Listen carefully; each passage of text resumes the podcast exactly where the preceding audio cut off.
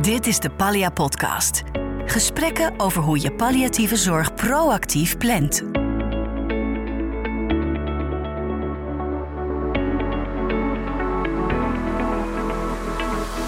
Welkom bij de eerste aflevering van deze serie over proactieve zorgplanning in de palliatieve zorg, de Pallia Podcast. Dat is een podcast van PZNL en we praten hier over proactieve zorgplanning. Dat is een heel belangrijk thema binnen de palliatieve zorg. Het aangaan van gesprekken met een patiënt over het naderend einde van hun leven, dat is een lastig en ook heel emotioneel beladen onderwerp. Ik praat daarvoor met Sita Splinter en met Kim Kuppens. Sita, zal ik met jou beginnen? Kun jij jezelf even in een paar zinnen uh, introduceren aan mensen die je niet kennen? Ja hoor, dat wil ik wel.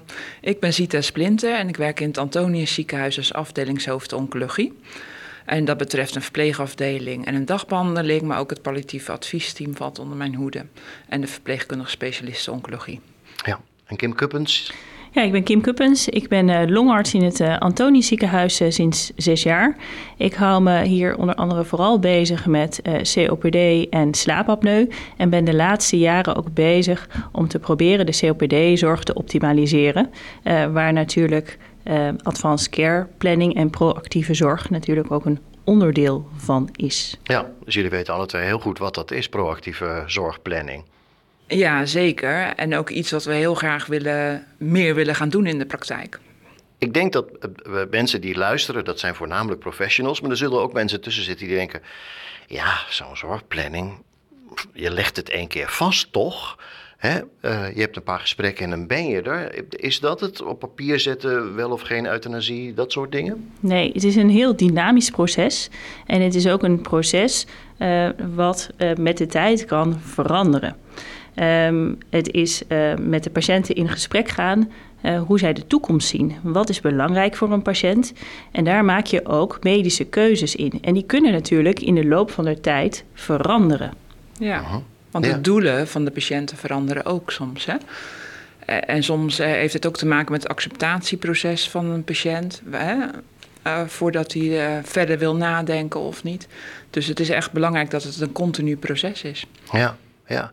Maar ja, je, je moet het ook vastleggen. Je moet het op papier zetten, toch? Want hè, je wilt ook dat collega's weer terug kunnen lezen van... oh, dit is afgesproken en, en dat niet. Ehm, Zeker, en dat was ook wel een van de problemen die ook in ons huis speelde. Ik denk trouwens in veel huizen. Is dat in de spreekkamer vaak best wel over zulke soort zaken gesproken wordt. Maar dat of dat dat niet vastgelegd wordt, of gedeeltelijk. Of uh, dat het gewoon ondersneeuwt onder andere notities die er daarna weer boven komen. En je moet je voorstellen als zo'n patiënt dan op een eh, spoedeisende hulpafdeling komt. Ja, die gaan natuurlijk niet een heel dossier doorspitten of daar iets van in staat. Dus dat is ook wel de reden dat we in ons ziekenhuis nu een apart format hebben ontwikkeld in het EPD. Waarin dus, uh, als dat is ingevuld, is dat ook zichtbaar voor iedereen, voor elke zorgverlener. En, en het format is ook te mailen naar de huisarts. Dus dat is wat je eigenlijk wil. Hè. Je wil natuurlijk ook continuïteit. Je kan wel mooie afspraken maken met de patiënt en eh, voor die patiënt helder hebben wat hij wil. Maar als je dat niet overdraagt eh, aan elkaar, intern in de organisatie, of juist naar extern, ja, dan komt er niks van proactief uh, zorgbeleid. Kim, is het iets wat je zelf invult of doe je dit ook samen met anderen, met de huisarts bijvoorbeeld? Nou, hoe gaat het uh, in zijn werk? Nou, wij zijn nu met elkaar bezig, ook in gesprek, ik en Sita, want ons ziekenhuis heeft ook uh, het doel om uh, proactieve zorgplanning veel meer bekendheid uh, te geven. En we weten ook, hè, er zijn natuurlijk veel onderzoeken en enquêtes geweest onder artsen, dat we het eigenlijk allemaal heel belangrijk vinden, maar dat er heel veel barrières zijn.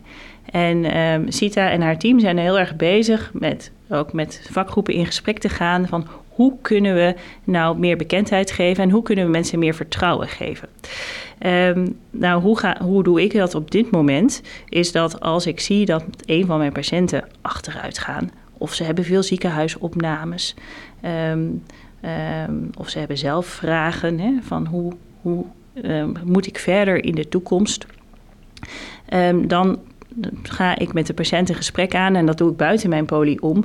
Want ik heb normaal gesproken voor een controle COPD 10 minuten. Uh, en dan plan ik met een patiënt een gesprek. En dat kleed ik in om te zeggen van... goh, ik wil heel graag met u spreken over de toekomst. Wat zijn uw wensen? Wat zijn uw verwachtingen? Um, en dan plan ik dat buiten de poli om, zonder dienst zijn... uh, om rustig met een patiënt en een naaste te gaan spreken. Ja, bij die gesprekken zit daar altijd, als je zo'n advanced care planning gesprek voert, zit daar altijd een naaste bij? Is dat wat je graag wilt of hoeft dat niet per se, Kim? het is heel belangrijk dat er een naaste bij zit. Dat kan een partner zijn, maar dat kan ook een zoon of een dochter zijn.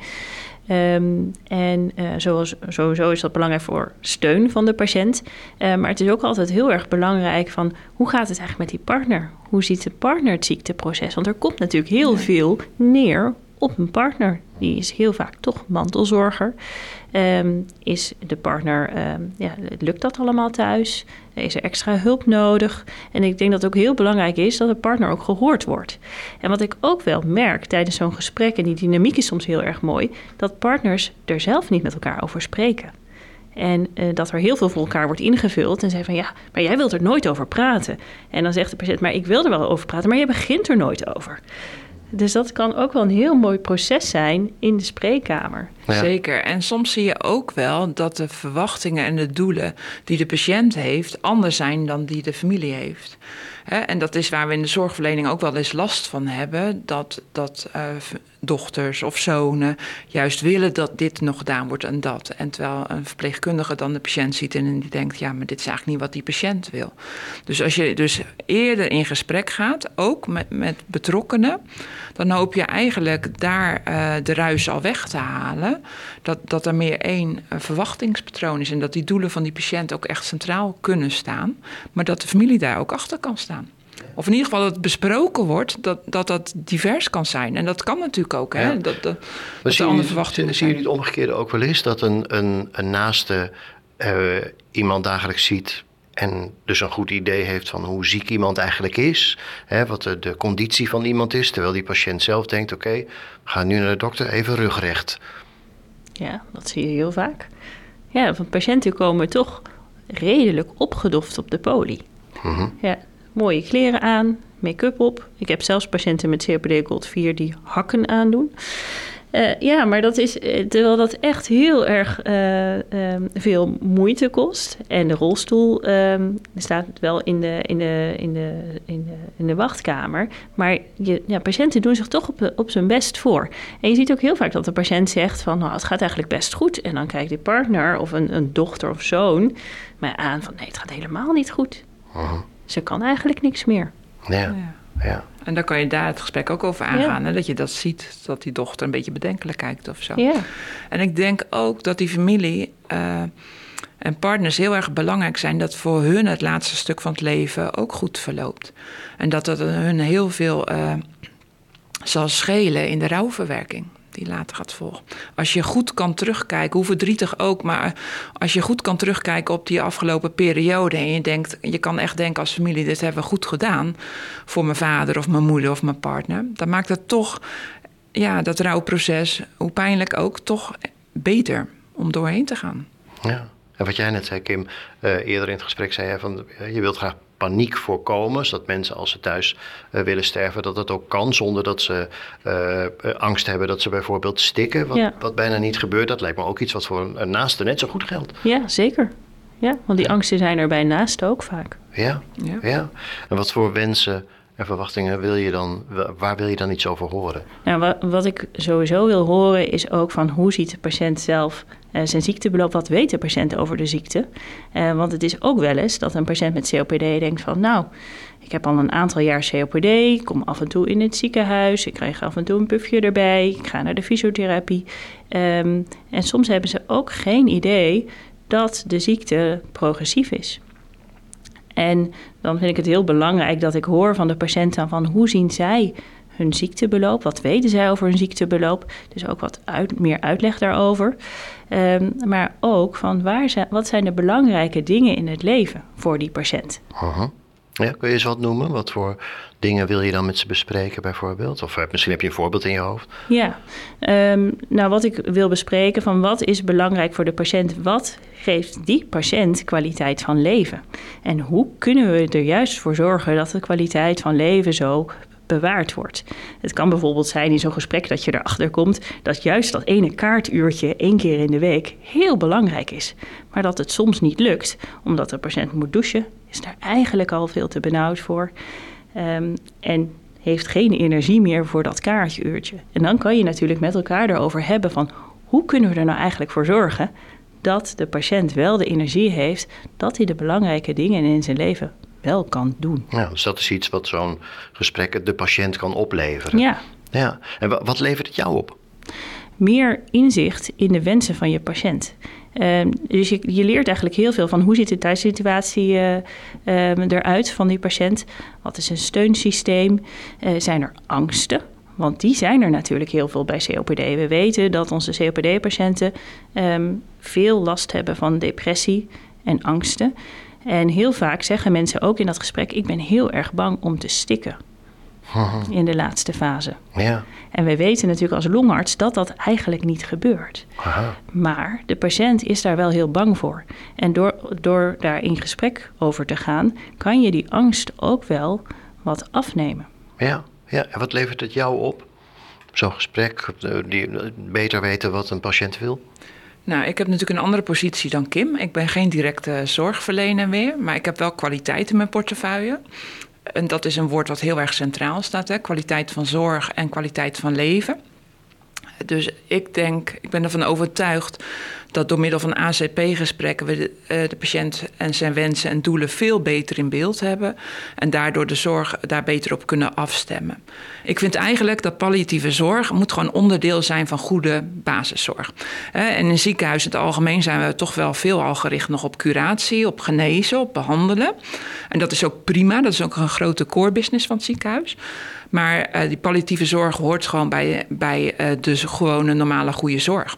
En daar heb je ACP voor nodig om daar een start aan te geven. En hoe eerder je dat doet, hoe eerder je met die zorg ook kan beginnen. Ja.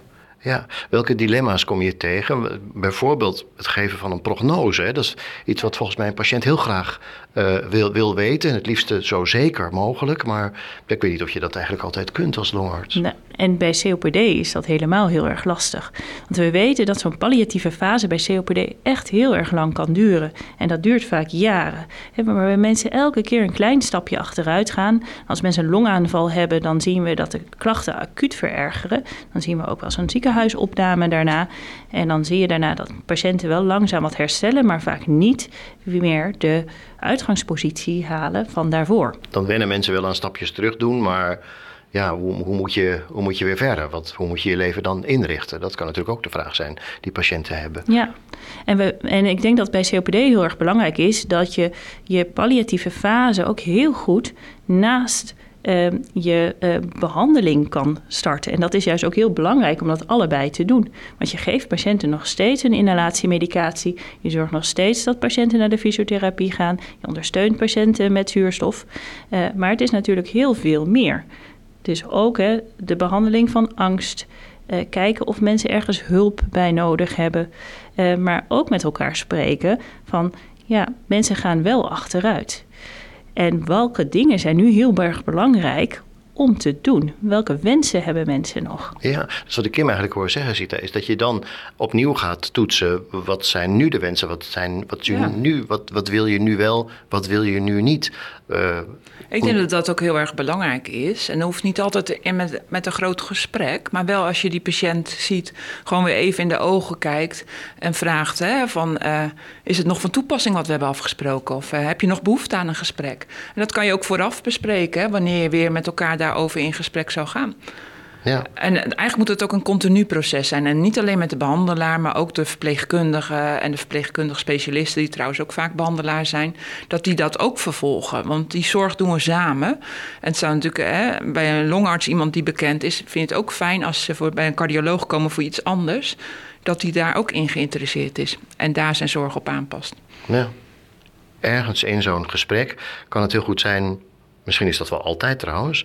Dat je vraagt, wilt u ook gereanimeerd worden? Is dat zo? Stel je die vraag altijd aan, aan als je zo'n gesprek met mensen aangaat over uh, proactieve planning in de palliatieve zorg? Dat kan. Het ligt ook een beetje aan hoe het gesprek uh, loopt. Um, want um, er wordt vaak heel veel besproken in het gesprek en ik kaart het wel vaak aan. Hè? Uh, dat, uh, dat ik daarover wil praten. Maar ik hoef daar ook niet gelijk een antwoord op. Want je kan mensen daar heel erg mee overvallen. Soms willen mensen daar gewoon nog rustig over praten, wat meer informatie over hebben. En het is ook wel zo dat je zo'n gesprek hebt dat patiënten zeggen: nee, maar gereanimeerd worden, nee, dat wil ik helemaal niet. Nee. En weten jullie dat nog niet? Want dat heb ik al wel met mijn huisarts gesproken, besproken. Ja, Ja, ja. we geven ook patiënten ook wel een folder mee als we een gesprek van tevoren plannen. Waarin uitleg staat wat het gesprek inhoudt. En ook wel eh, vragen die ze kunnen verwachten en onderwerpen die te sprake kunnen komen. En daar is het behandelbeleid in de vorm van reanimeren of niet. Of, of beperkt behandelen is zeker wel een gespreksonderwerp. Maar ook een gespreksonderwerp is eh, misschien eh, wat is de voorkeursplek waar u wilt overlijden.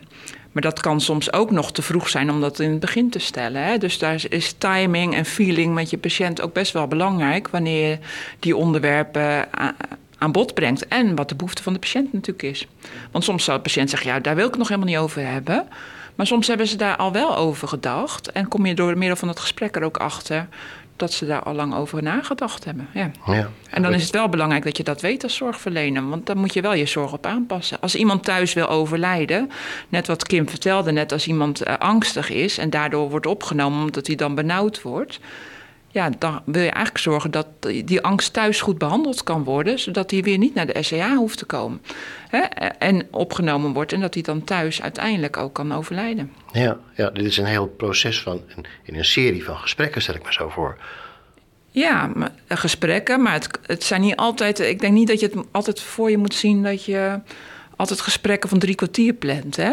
Maar, dat je, maar wel dat je er altijd aandacht voor moet houden. Want ook tijdens een consult, wat Kim, hè, wat jij doet, Ja. kan je dat, als je dat goed eh, in kaart hebt gebracht, kan je dan heel kort aantippen en even kijken naar iemand en vragen van hè, hoe zit je in de, hoe staat het ervoor? Ja, je kan heel goed voorborduren op dingen die je natuurlijk eerder hebt besproken. Ja. En natuurlijk gaandeweg het ziekteproces eh, spreek je soms ook met patiënten van... goh, ehm, mensen met COPD, dat kost soms heel veel moeite om naar de polykliniek te komen. En ehm, dan, dan kan het ook zijn hè, dat we zeggen van nou, die polyklinische afspraken die zijn veel te zwaar. Ehm, we dragen de zorg over aan de huisarts, hè, maar de huisarts of u kunnen toch altijd nog contact opnemen. Dus ik denk dat het ook heel belangrijk is om de eerste lijn daarin te betrekken. Want als ik een, eh, een, ehm, een eh, ACP-gesprek heb, dan heb ik altijd daarna een eh, contact met de huisarts. Dus ik bel de huisarts op en eh, bespreek wat ik heb besproken met de patiënt. En vraag ook of de huisarts een mogelijkheid heeft om ja, de komende week of, of de week daarop daar een keer met de patiënt op terug te komen. Mhm. Want je ziet toch vaak dat de patiënten eh, in onze regio is het natuurlijk wel zo dat eh, of een COPD-patiënt valt onder de zorg van het ziekenhuis of onder de zorg van de huisarts.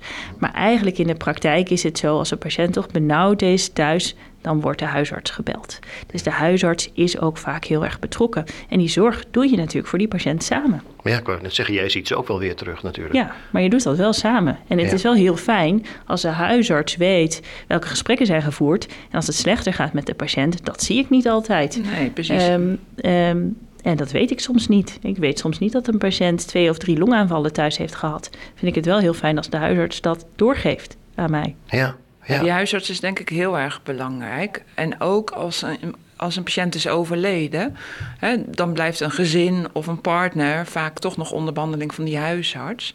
Dus ja, hoe meer die eh, samen, hoe meer, hè, hoe meer je samen deze zorg doet, hoe beter, denk ik. Samen Ja. met de patiënt en samen een ziekenhuis samen met de huisarts. Ja, ja want je, je zei het net, eh, hè, op die manier kun je ook onnodige behandelingen eh, voorkomen. Omdat, Ja. je, omdat je al kunt, eh, kunt horen van een patiënt, dat wil ik eigenlijk helemaal niet meer.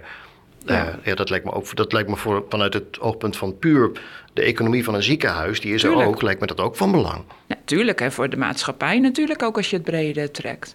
De zorgkosten gaan ook stijgen. Maar, eh, en dat, maar ik zeg altijd, dat vind ik echt een mooi cadeautje. Ja. Eh, blijven doen voor kwaliteit van leven en van zorg.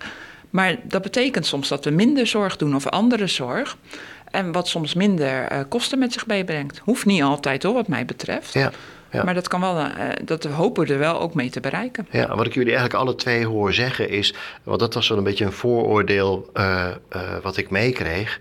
Let daarop, vraag ernaar. Is dat gesprekken over proactieve zorg, dat het niet per se hoeft te betekenen dat die allemaal drie kwartier duren. Nee, Nee. Nee, vaak is wel dat eerste gesprek duurt vaak wel Ja. eh, drie kwartier. Maar daarna weet je toch heel veel dingen meer van de patiënt die je eerst eigenlijk helemaal niet wist. Je weet soms niet hè, dat de dochter zwanger is en dat het heel erg belangrijk is voor de patiënt dat ze over negen maanden eh, het kindje kan vasthouden. Dat weet je niet altijd. Ja. En juist als je meer de tijd hebt, ehm, komen dat soort gesprekken ehm, ja, veel meer aan bod. En Ja. dat is ook wel heel prettig. Ja, ja. Ja. Hoe is die, die, eh, die, ja, het, het maken van zo'n plan, hoe is dat georganiseerd? Komen mensen altijd eerst bij jou of komen ze ook altijd bij jou? Hoe, hoe, hoe loopt het eigenlijk? Even puur de organisatie Nou, van het maken van zo'n plan. Nou, CITA die heeft ehm, eh, dit geïmplementeerd ehm, Bij de eh, longoncologie? Bij de Als longoncologie. pilot. Mhm. En daar hebben we duidelijke afspraken over gemaakt hoe we dat voor ons zagen. Dat was maar een hele beperkte groep waar we dat bij gingen doen. Ja? En daar hadden we echt gezegd, na de diagnose gaan we binnen zoveel tijd hier een er- eerste gesprek in plannen. En dat betrof dan patiënten met longkanker stadium 4, die eigenlijk al bij diagnose palliatief zijn. En dat hebben we een pilot op gedaan, maar we zien ook eigenlijk wel dat dat ook niet zo heel goed werkt voor elke patiënt. Want elke patiënt is weer anders. De ene patiënt is er dan nog helemaal niet aan toe, en de andere patiënt wel.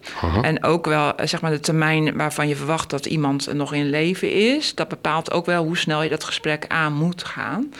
Eh, dus tot die conclusie zijn we uiteindelijk wel gekomen dat het wat meer op maat moet. Snel als het moet. En op maat als het eh, kan. Hè? Dus als Ja. de patiënt soms wat verder is in zijn proces. En ook dat de patiënt zelf veel meer invloed mag hebben op de inhoud van het gesprek. Waar is die aan toe?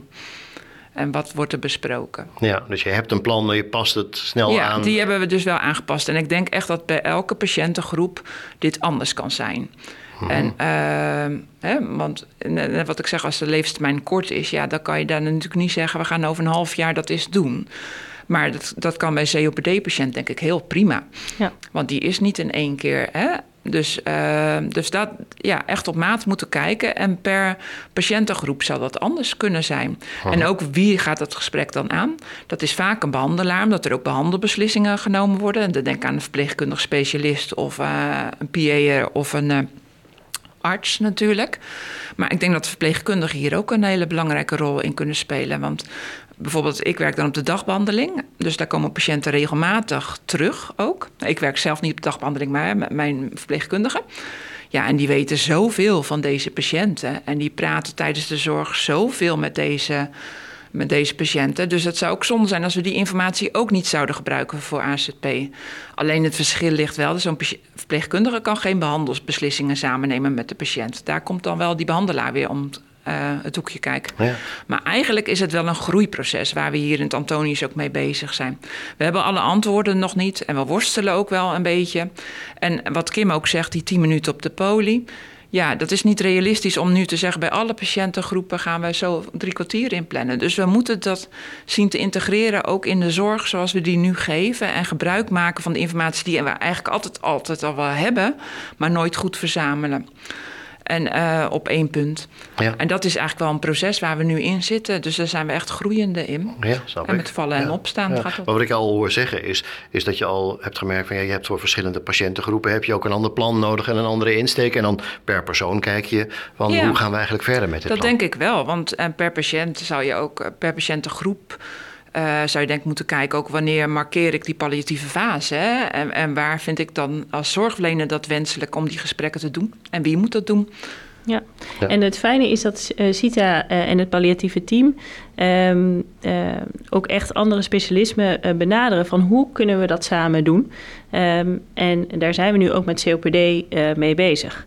En eh, ik denk Kun je een dat we- voorbeeld geven van hoe dat dan gaat? Ja, want ik denk dat we nu op dit moment ook ehm, te weinig ACP-gesprekken doen bij patiënten met COPD. En het begint bij het markeren van welke patiënten hebben eigenlijk recht, want het is eigenlijk wel een heel belangrijk deel van je behandeling, op een ACP-gesprek. Ehm, en we zijn nu ook met elkaar ehm, eh, eh, in overleggen, want we, we zijn bezig met het bouwen van het zorgpad COPD. Van hoe kunnen we daar ook in ons zorgpad aandacht voor hebben, dat die patiënten ook tijdens een opname gemarkeerd worden. Ja. Als eigenlijk zit deze patiënt ook in de palliatieve fase. Mhm. En dat betekent dat natuurlijk je gewone zorg doorgaat, maar die palliatieve fase moet wel gemarkeerd worden. Ehm, en hoe we dat gaan doen, want we lopen natuurlijk tegen een aantal uh, uh, belemmeringen aan. Sowieso is het uh, dat, dat je dat buiten je spreekuur moet doen. We hebben hier in huis heel weinig longverpleegkundigen uh-huh. op de poli die ons kunnen ondersteunen. dus daar moeten we natuurlijk ook mee in gesprek gaan van nou is het toch mogelijk om daar ook wat meer personele tijd voor vrij te maken. Want het mooiste is eigenlijk om dat gesprek samen met je longverpleegkundige te doen. Want een longverpleegkundige ziet de patiënt natuurlijk ook. Dus die kan ook op heel veel dingen die tijdens een ACP-gesprek zijn gezegd, daarop voortbeduren tijdens het volgende gesprek. Ja. Ja. En die Ja. signaleren soms ook veranderingen. Als een patiënt is opgenomen, zo'n verpleegkundige ziet zo'n patiënt 24 uur per dag. En de beste gesprekken zijn vaak in de avond en in de nachturen. En daar is die verpleegkundige ook heel belangrijk in. Van eh, zeg Kim, dit heb ik zien staan in het ACP-formulier, maar volgens mij eh, klopt dat niet helemaal meer. Hè? Of moet je weer eens in gesprek? Dus daar is die verpleegkundige ook heel belangrijk in, in het signaleren. Maar wat Kim zegt, ik wil graag zo'n advanced care planning gesprek voeren. Hè, met verpleegkundigen erbij. Alleen ja, die hebben niet altijd tijd. Ja. Dit is wel, dat, dat is natuurlijk ook gewoon Nee, een... maar dat eh, is ook echt de praktijk. Hè? Je, je hebt een mooie werkelijkheid zoals je het voor je ziet. En dan zie ik het eigenlijk, die mooie werkelijkheid die ik voor me zie, is dat het echt op de polykliniek al in een vroeg stadium in gesprek wordt gegaan. Eh, en dat de arts daar ook alle tijd voor heeft en zo. Maar goed, de werkelijkheid is wel wat weerbarstiger. En eh, we moeten ook in de zorg gewoon gebruik maken van alle zorgverleners. Het is ook zorg doe je samen. En dat doen we ook onvoldoende. Maar die behandelaar is zeker heel erg belangrijk bij die AZP-gesprekken. Want, want je neemt gewoon behandelbesluiten. Maar we moeten die verpleegkundige beroepsgroep er ook meer bij betrekken. En daar zijn wij door ervaring ook nu wel achter gekomen. En dat doen we nog niet hoor. Daar zijn we mee bezig om dat verder te brengen. Dus dat is echt een proces. Dat is echt een proces wat we in Antonius nu aangegaan zijn. En da- daar ben ik heel erg blij mee. Het gaat me nooit snel genoeg. Maar we zijn wel de goede stapjes te doen, aan het doen. De goede beweging is gaande. Ja, en ik denk wat heel erg mooi is, wat jullie hebben ontwikkeld, is dat als je ons patiëntendossier opent, je ook ziet of er al een ACP-gesprek is gedaan. Dus dat zie je onder de foto van de patiënt Ja. eh, staat een balkje. Ja. Eh, want wat, eh, wat Sita net ook zei, eerder moest je terugzoeken in een hele brei. Nou, als een patiënt en bij de orthopeed en bij de eh, internist komt en bij de eh, longarts, dan heb je heel veel notities. Dus dan vind je het niet meer terug. En nu Ja. open je het en dan kom je gelijk in het Advanced Care Planning dossier. En voor die patiënt is het zo belangrijk dat wat hij verteld heeft, dat hij een andere zorgverlener dat over hoort doorvragen. Of dat die doorkrijgt, dat die andere zorgverlener het ook weet. Want dan voel je je als patiënt gezien. Het, je kan het eigenlijk niet verkopen dat een patiënt op verschillende plekken waar die komt in het ziekenhuis hetzelfde verhaal zou moeten vertellen. Ja, al was En- het maar bij de, ja, bij de, bij de eerste hulp. Hè? Als, er iemand, Ja, als er ineens paniek uitbreekt, er gebeurt plotseling iets en, en eh, de ambulance wordt gebeld, dan eh, zien ze dat dan ook? Nou, de ambulancebroeder ziet het niet, maar als een patiënt hier in het ziekenhuis komt, Dan- dan, zie je, als dan je het dossier opent, Ja. zie je het Maar meteen. de Zodra jij de patiënt hier Ja. hebt, dan zie je het. Maar de huisarts heeft ook dat verslag gekregen van het AZP-gesprek. Dus die huisarts, die heeft natuurlijk ook een eigen dossier. En die, die willen we ook steeds meer bij betrekken. Die zou dat dan moeten weten ook. Welke afspraken er bij deze patiënt zijn en welke doelen die patiënt heeft. Ja. Dus daar zie je maar weer dat het door de hele keten moet dit goed belegd zijn. En moet er sprake zijn van continuïteit. En dan pas doen we het goed voor die patiënt. En dan pas voelt die patiënt zich ook gezien en gehoord, denk ik. Ja, wat ik eigenlijk van jullie hoor is dat die samenwerking met de huisarts heel belangrijk is. Ja, die is ook heel belangrijk. Je zorgt samen voor die patiënt. En niet alleen de huisarts, maar we hebben ook longverpleegkundigen ehm, in de eerste lijn die bij de patiënt komen. Eh, die zijn ook heel waardevol. Eh, want die signaleren, die komen thuis bij die patiënt. Dus die signaleren eigenlijk al de eerste dingen ehm, die misgaan of eh, ja, problemen. Ja, en dat geldt misschien nog wel meer voor patiënten die bij palliatieve zorg voornamelijk weer bij de huisarts terechtkomen en niet zozeer Precies. hier in het ziekenhuis. Ja, ja, precies. Maar dan zal die huisarts die rol ook meer gaan nemen nog. Hè? Dat hij de patiënt vervolgt en daar zelf ook afspraken mee maakt. Ja. Dank voor jullie medewerking. Aan deze eerste aflevering. Ehm, we zitten hier ook uh, in het Sint-Antonius in Utrecht. Want jullie moeten vandaag, neem ik aan, ook gewoon weer door. Hè? Jullie hebben vandaag weer gewoon taken. Nou, dit was de eerste aflevering van deze serie over proactieve zorgplanning in de palliatieve zorg. Dus in opdracht van PZNL. Ik ben Richard Grootpot van Audiodroom Podcast Producties. Als je de volgende afleveringen niet wil mislopen, abonneer je dan even in je podcast-app op deze serie. Dan komt zo'n volgende aflevering vanzelf in je app. Als je anderen wilt wijzen op deze serie, kun je dat doen door een review of een rating achter te laten, want daarmee wordt deze serie automatisch beter vindbaar voor anderen. Dank voor het luisteren en tot de volgende aflevering.